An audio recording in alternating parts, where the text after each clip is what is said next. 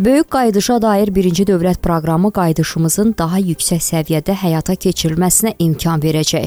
Bu sözləri Asan radioya müsahibəsində millət vəkili Azər Badamov dedi. O əlavə etdi ki, dövlət proqramı çox əhatəlidir. Hesab edirəm ki, böyük qayıdış dövlət proqramının icrası Qarabağ və Şərqi Zəngəzur iqtisadi rayonlarının yenidən qurulmasına, müasir səviyyəyə gətirilməsinə və uzun illər qaçqınlıq, köçkünlük həyatı yaşamış, əziyyət çəkmiş ə, insanların öz doğma yurdlarına qayıtmasına imkan verəcək, verəcəkdir. Həm də bu proqramda işğaldan azad olunmuş ərazilərin iqtisadi potensialının reinteqrasiya olunması, yəni ölkə iqtisadiyyatına reinteqrasiya olunması nəzərdə tutulur. Təbii ki, bu ərazilərin iqtisadi potensialı böyükdür. Birinci dövlət proqramının icrası ilə həmin e, ərazinin iqtisadi potensialından da e, istifadə olunması